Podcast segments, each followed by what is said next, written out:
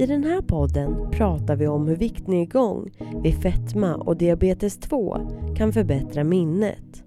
Hur stresshormonet kortisol kan förändras vid olika livsstilar och hur det i sin tur förändrar hjärnans minnesfunktion. Vi diskuterar med Andreas Stomby, doktorand vid institutionen för folkhälsa och klinisk medicin vid Umeå universitet. Jag heter Madeleine Nilsson. Välkommen till Vakano. Vakano är en informations och utbildningsportal inom vård, omsorg och hälsa med vårdpoddar. Den här avhandlingen handlar då egentligen om, eh, man kan säga, hjärnfunktion och omsättningen av stresshormonet kortisol hos patienter som lider av fetma och typ 2-diabetes. Eh, och vi har då undersökt dels sambandet mellan det här stresshormonet kortisol och hjärnans utseende och funktion. Eh, och dessutom hur den här omsättningen av det här hormonet kan påverkas av olika livsstilsförändringar med olika typer av koster. Eh, och även hur då hjärnans aktiveringsmönster påverkas av att man förändrar sin livsstil. Och det här är då relaterat till minnesfunktion kan man säga. Och hur har ni utfört de här äh, studierna? Jo, avhandlingen innehåller då fyra olika delarbeten. Och det första delarbetet är det man kallar för en tvärsnittsstudie.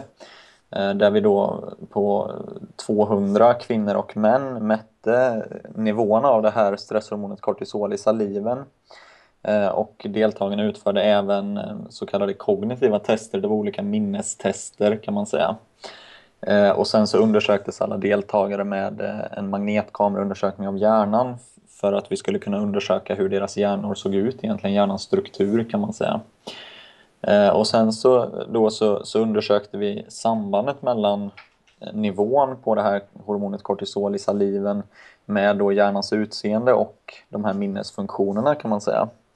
Och det vi fann då var att eh, ju högre nivå man hade av det här hormonet kortisol i saliven Eh, desto mindre eh, främre del av hjärnan kan man säga. Det var vissa specifika delar i främre delen av hjärnan som var, som var mindre bland de personerna som hade höga nivåer av det här hormonet. Eh, och vi fann även att eh, bland de personerna som led av typ 2-diabetes så fann vi att ju högre nivåer man hade av det här stresshormonet desto lägre minnesfunktion hade man. Och eh, det här är ett fynd som har visats i tidigare studier också men som då kan tala för att eh, om man eh, har typ 2-diabetes och, och, dessutom då har höga nivåer av det här hormonet kortisol, vilket man förmodligen kan få av diabetessjukdomen i sig, men även av andra faktorer såsom stress, så kan det ha negativa effekter på ens minnesfunktion kan man säga. Var det någon skillnad mellan män och kvinnor när ni gjorde det här? Ja, det var ett syfte med studien, att jämföra män och kvinnor. För det, om man kollar på experimentella studier, alltså på, på möss och eh, olika typer av apor, så har man sett att eh, kvinnor skulle kunna vara, vara, eller honor skulle kunna vara skyddade mot de här negativa effekterna av stresshormonet. Eh, men vi såg inte det i våran studie. Det skulle i och för sig kunna ha att göra med att i princip alla kvinnor i, i våran studie hade genomgått klimakteriet. Och det som händer då är att man, man eh, tappar ju sina könshormoner, eller östrogennivån sjunker mycket efter klimakteriet och man tror att det kan vara just östrogen som är skyddande hos kvinnorna. Eh, så det här är ju någonting som skulle vara intressant att undersöka i framtida studier och jämföra då egentligen kvinnor som inte har gått igenom klimakteriet som fortfarande har sitt östrogen vilket då skulle kunna utgöra ett skydd med då kvinnor som har gått igenom klimakteriet och därmed inte har så höga östrogennivåer längre. Och vad är det för slags livsstilsförändringar som kan påverka det här? Ja, eh, vi har då jämfört en, eh, två olika koster. Eh, där vi, den ena kosten är då en stenålderskost eh, som bygger på, på resonemanget att eh, egentligen människan har utvecklats och anpassat sig till en viss typ av kost under evolutionen och det här hände ju då för kanske 200 000 till 2 miljoner år sedan. Eh, och då har man försökt uppskatta givetvis, detta är givetvis svårt att, att, att, göra, men man har försökt uppskatta vad man åt under den tidsperioden. Eh, och det man kan säga att de stora delarna i den här stenålderskosten är ju att man utesluter eh, egentligen intag av, av gryn och sådär, så bröd och flingor och, och olika mjölsorter och sådär äter man ingenting av. Man äter inga mjölkprodukter och man undviker eh, raffinerat socker och, och, även salt i den här kosten. Men det finns givetvis fler förändringar också, men det är väl de stora delarna kan jag tycka. Och det vi gjorde då det var att vi jämförde det här mot en klassisk kost enligt de nordiska näringsrekommendationerna. Alltså det man rekommenderar generellt i Sverige idag.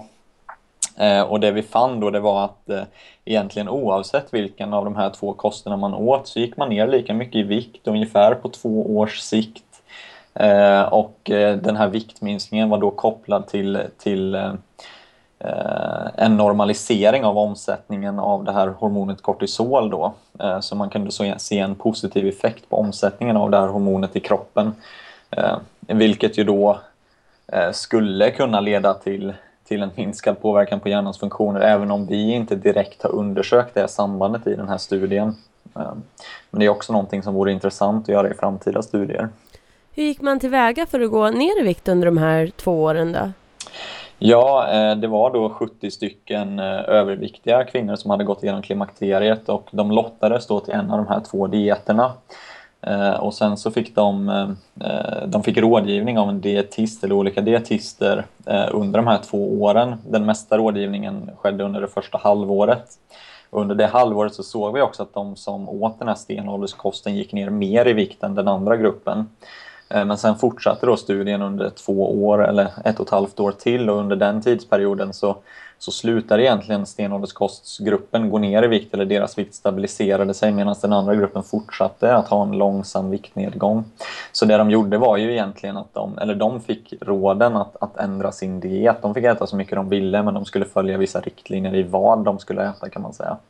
Eh, och sen så, eh, vi mätte även deras fysiska aktivitet eh, och vi såg ingen ökning i den så det här var ju förmodligen kopplat då framförallt till förändringar i, i dieten och, och, hur mycket de åt. De rapporterar ju att de äter mindre under studiens gång eh, än eh, vad de gjorde innan studien. Så, så det har givetvis en, en stor del i det här också då, att man helt enkelt äter mindre och därför går ner i vikt.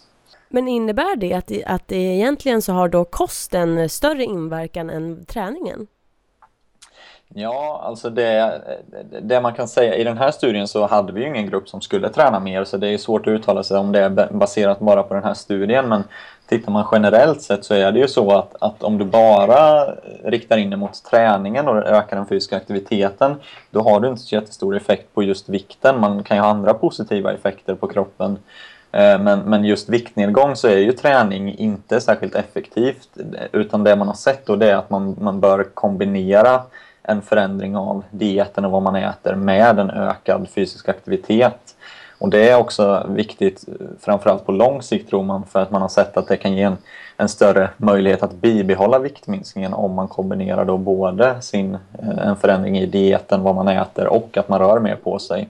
Om man bara riktar in sig på vad man äter så får man ofta det här fenomenet att man går ner mycket i vikt under de första 3 till 6 månaderna men efter två år så har man i princip gått tillbaka till sin ursprungsvikt oftast om man kollar på större studier. Men om man då har kombinationen av både fysisk aktivitet och eh, förändrad kost eller diet då, eh, då har man större möjlighet att bibehålla viktminskningen.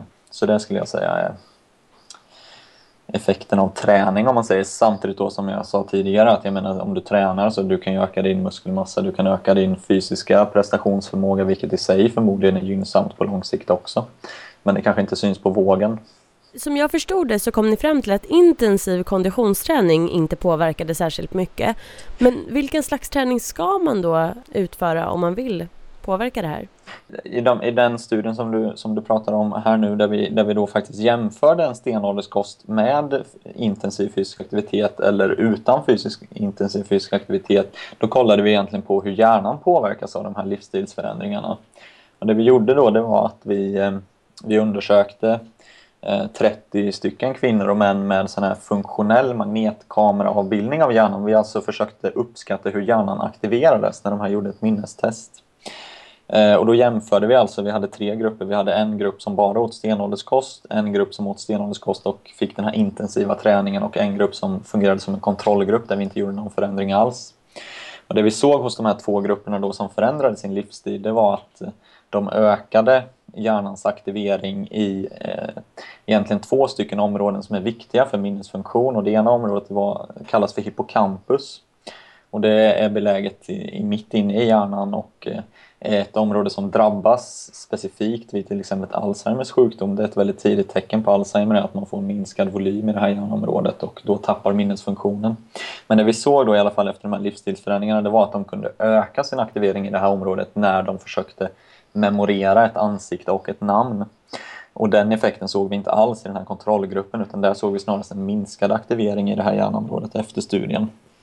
Eh, och då som sagt, då jämförde vi då den här högintensiva träningen eh, med en egentligen bara rekommendation om att öka sin vardagliga fysiska aktivitet. Och den högintensiva träningen då, den bestod i att de tränade i små grupper om ungefär 3-4 personer Eh, här på Umeå universitet eh, på idrottsmedicin här. Och då fick de köra både eh, egentligen en intensiv form av intervallträning och styrketräning kombinerat. Men den andra gruppen så, så såg man i den andra gruppen fick egentligen bara rekommendationer om att öka sin vardagliga fysiska aktivitet till minst en, en halvtimme om dagen. Så, så egentligen man kan säga slutsatsen eller så som man skulle kunna dra av det här det är ju att, eller, och när jag kollar på tidigare studier som har gjorts där man kollar just då på effekten av livsstilsinterventioner på hjärnan så verkar det som att det kanske framförallt är den här lite mer låggradiga fysiska aktiviteten som är, är viktig för att få de gynnsamma effekterna. Det kanske inte behövs att man ska köra stenhård intervallkonditionsträning utan det kanske är viktigare att vara fysiskt aktiv varje dag, Eh, minst 30 minuter. Det var den rekommendationen de fick i den här andra gruppen. Um, och, och, det finns som sagt tidigare studier där man har kollat egentligen på effekten av stavgång på på hjärnvolymer och, och även minnesfunktion och sett att det kan ha gynnsamma effekter också under ett år om man går stavgång då regelbundet. Så som sagt förmodligen kanske det är mängden fysisk aktivitet och inte intensitetsnivån som är det viktiga för att kunna få de här effekterna men det här är givetvis ett rätt nytt forskningsfält där det kommer krävas mycket mer forskning framöver men, men det är väl det, de slutsatserna man kan dra i dagsläget tycker jag. Går det att förklara på ett lite enklare sätt den här ökade aktiviseringen i hjärnan? Mm. Hur det påverkar minnet? Det, det som eh, vi gjorde då, det var egentligen att vi gjorde bara en undersökning av hjärnan där vi försökte uppskatta hur hjärnan aktiverades och de gjorde ett minnestest i den här studien. Och i min avhandling så ingår två studier där vi har gjort det här då på två olika grupper av deltagare kan man säga. Och i den ena studien så fann vi att minnesprestationen förbättrades eh, de skulle memorera 24 stycken olika ansikten och namn och efter själva studien så mindes de två till tre fler ansikten och namn än vad de gjorde innan studien. Men problemet är då att de utförde samma test vid två tillfällen så vi kan inte helt utesluta att det här berodde på en träningseffekt kan man säga, att de gjorde testet en andra gång. Eh, och i den andra studien då, då utförde de precis samma test före och efter studien och då var det 12 veckor emellan och då såg vi ingen eh, klar förbättring av minnesfunktionen. Men det vi såg då i båda de här studierna det var att ett, att ett område i hjärnan som är väldigt viktigt för minnesfunktion och som drabbas av demenssjukdom ökade sin aktivering efter studierna och den här ökade aktiveringen skulle ju då potentiellt kunna ha en, leda till en förbättrad minnesfunktion och minskad demensrisk på lång sikt. Men det här behöver givetvis studeras i andra studier för det var inte det som säga, den här studien var inte designad för att till exempel kolla på risken att insjukna i demens. Då måste man studera folk under mycket längre tidsperioder. Hur ska man då göra för att minska risken för demens och få fram den här aktiveringen?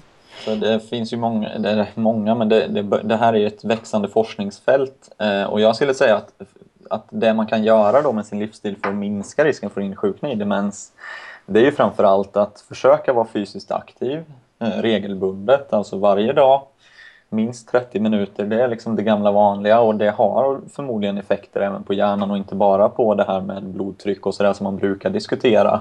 Just den här biten i relation till utan som sagt var fysiskt aktiv.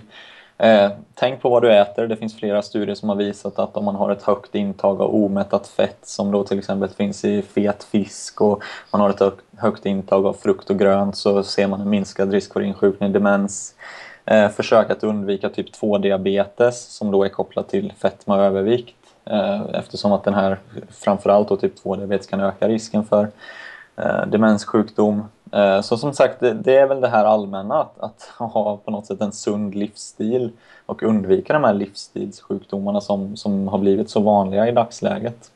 Eh, sen verkar det ju också som att eh, försöka hålla, hålla igång minnesfunktionen genom att ja, men lösa korsord och sådär när man blir äldre och liksom fortsätta vara socialt aktiv och, och, och sådär. Att, eh, att det också är viktiga faktorer för att undvika demenssjukdom när man blir äldre.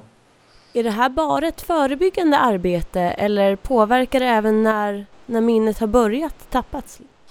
Ja, vi har inte studerat det men det finns ju studier som har visat till exempel att eh, om man ökar den fysiska aktivitetsnivån redan när man lider av man kan säga förstadiet till demens där man kan uppmäta en försämring av minnet men man har ingen demenssjukdom.